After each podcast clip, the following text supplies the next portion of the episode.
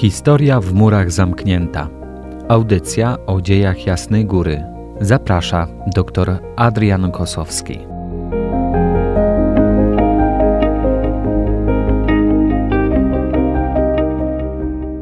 Szczęść Boże. Witam Państwa w dzisiejszym odcinku audycji Historia w murach zamknięta. Dwa tygodnie temu y, odcinkiem poświęconym e, Stefanowi Wyszyńskiemu zakończyłem taki cykl audycji poświęconych dziejom Jasnej Góry w PRL-u. Dzisiaj natomiast przeniesiemy się do e, okresu rozbiorów. Opowiem o stosunku austriackich władz zaborczych do kultu Matki Bożej Królowej Polski i pielgrzymek na Jasną Górę w latach 1772-1809.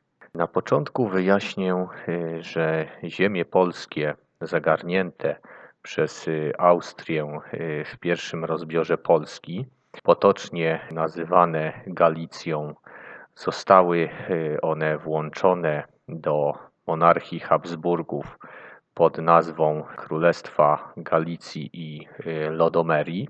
W obrębie e, Galicji zwykło się e, wyróżniać taki podział na część zachodnią i wschodnią. Kryterium e, tego podziału stanowiły okręgi sądów apelacyjnych w Krakowie dla Galicji Zachodniej i w Lwowie dla Wschodniej. W skład Galicji wchodziła m.in. południowa Małopolska, o działaniach y, władz austriackich y, wobec y, mieszkańców właśnie tego konkretnego obszaru będę dzisiaj Państwu opowiadał.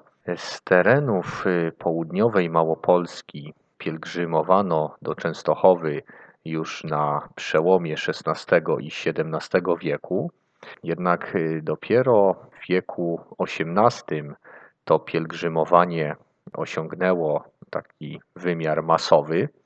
Wprawdzie y, nie było jeszcze w tym czasie żadnych ograniczeń, ale to właśnie w XVIII stuleciu y, pielgrzymki do sanktuariów y, stały się taką, można powiedzieć, najpopularniejszą formą pobożności polskiej. Specjalnie jednak przyciągała Jasna Góra, gdzie już y, w pierwszej połowie XVII wieku liczono y, tutaj przybywających pielgrzymów na setki tysięcy.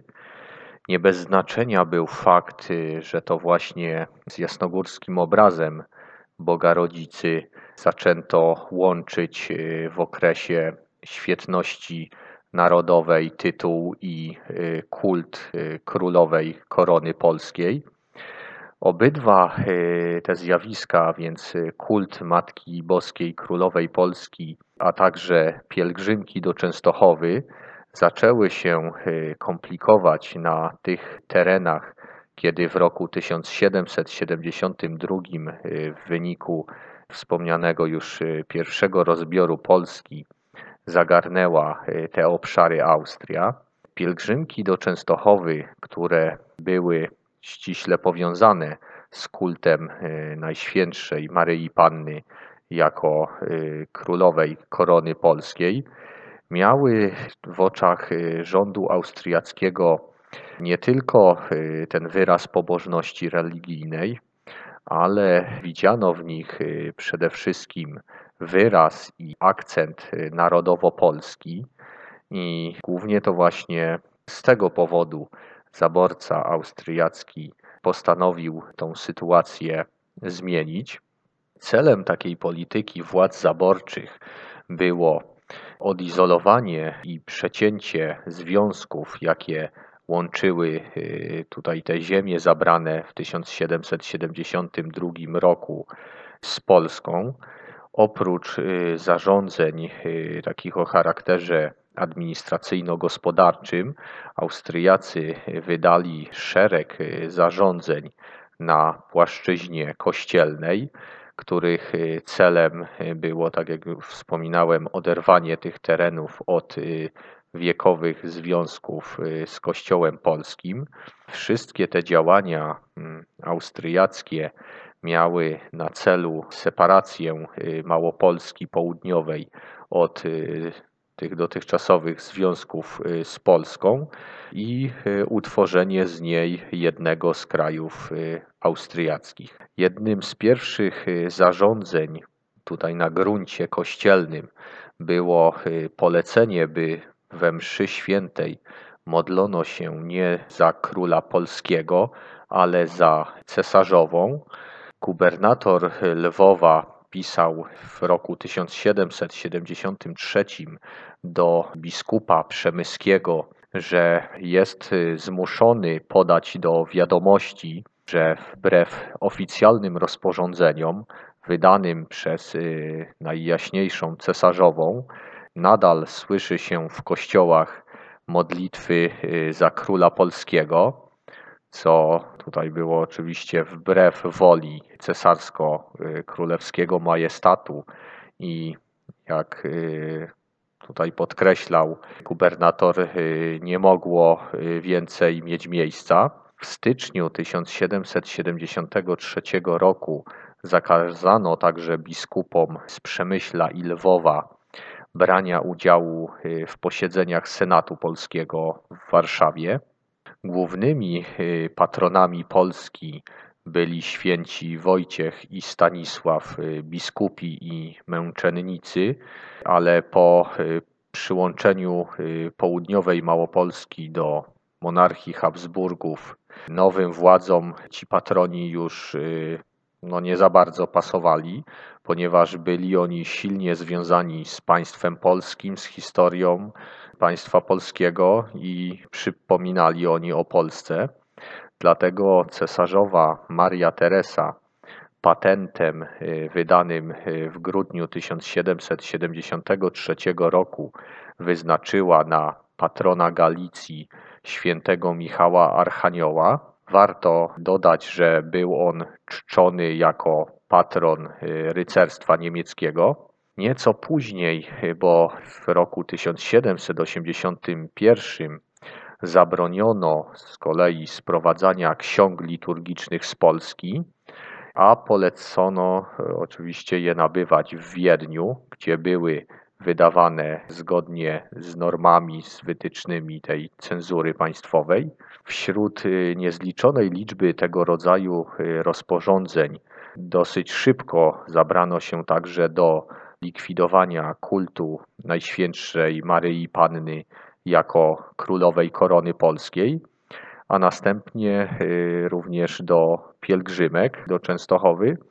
Obydwie formy pobożności ludności polskiej zamieszkującej obszar y, Galicji zbyt mocno wiązały się ze sprawą narodową i y, przypominały bezprawie dokonane na żywym organizmie Rzeczypospolitej y, w 1772 roku. W odniesieniu do Matki Bożej władze sprzeciwiały się, że inwokacja królowo korony polskiej módl się za nami była y, odmawiana przez księży w czasie uroczystych nabożeństw y, wraz z wiernymi w kościołach y, na terenie całej Galicji. Nastąpiły interwencje u biskupów, a ich przyczyną było używanie w publicznych modlitwach, a zwłaszcza w litanii loretańskiej, pewnych formuł modlitewnych, które zbyt mocno przypominały dawne rządy polskie a y, Najświętszą y, Bogu Rodzicę wzywały jako królową korony polskiej i protektorkę.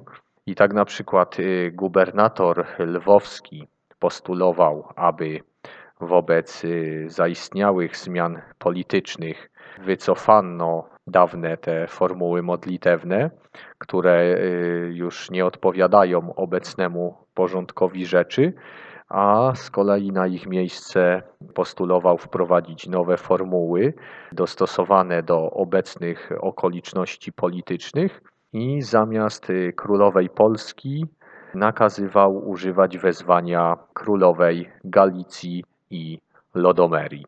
Gubernator y, zażądał, aby biskupi wydali w tym temacie odpowiednie pouczenie do duchowieństwa diecezjalnego i zakonnego. Mimo tych zabiegów y, nowe okupacyjne wezwanie królowej Galicji i Lodomerii nie przyjęło się, skoro wiemy, że władze austriackie zmuszone były podjąć y, podobną akcję po roku 1795, kiedy do Austrii y, przyłączono kolejne ziemie polskie zagarnięte w trzecim rozbiorze.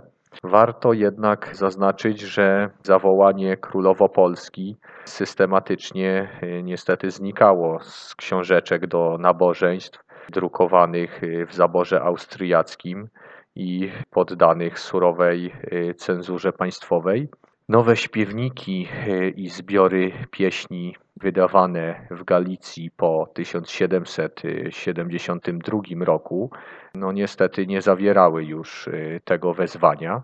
Wkrótce y, władze zaborcze zainteresowały się pielgrzymkami do Częstochowy. W niecałe dwa lata od przyłączenia południowej Małopolski w granice monarchii Habsburgów, a dokładnie 18 czerwca 1774 roku, władze austriackie wprowadziły obowiązek posiadania paszportu tutaj w przypadku przekroczenia granicy z Polską. Zarządzenie to obowiązywało duchowieństwo diecezjalne i zakonne, a dotyczyło przede wszystkim y, podróży do Polski i Rzymu.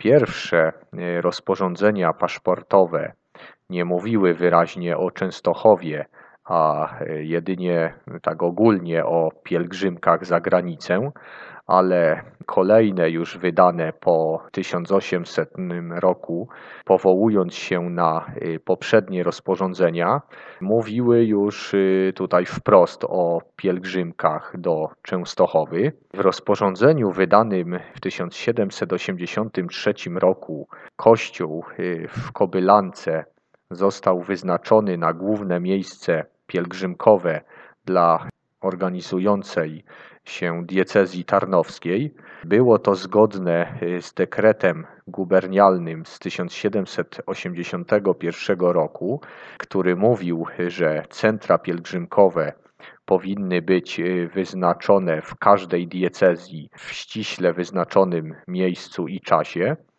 Wobec tego analogiczne centra pielgrzymkowe znajdowały się również y, w pozostałych diecezjach Przemyślu i w Lwowie. Łatwo z tego wywnioskować, że z wszystkich diecezji, które y, znajdowały się y, na obecnych terenach Galicji włączonej do Austrii, ludność zamieszkująca udawała się na pielgrzymki zagraniczne, tak bardzo niemile widziane przez władze zaborcze. Dopiero po y, pięciu latach tych systematycznych nacisków administracyjnych, przypomnę, że pierwsze y, zakazy w tym temacie ukazały się w roku 1778, a więc y, w roku 1783 pielgrzymki zagraniczne przestały stanowić dla władz austriackich już taki poważny problem. Problem e, kultu Matki Bożej Królowej Korony Polski i pielgrzymek do Częstochowy pojawił się i to ze zdwojoną siłą na terenach e, trzeciego zaboru austriackiego po 1795 roku, ale o tym opowiem już e, za dwa tygodnie w następnym odcinku audycji Historia w murach zamknięta. Zapraszam Państwa już dzisiaj serdecznie. Szczęść Boże. Historia w murach zamknięta. Audycja o dziejach Jasnej Góry. Zaprasza dr Adrian Kosowski.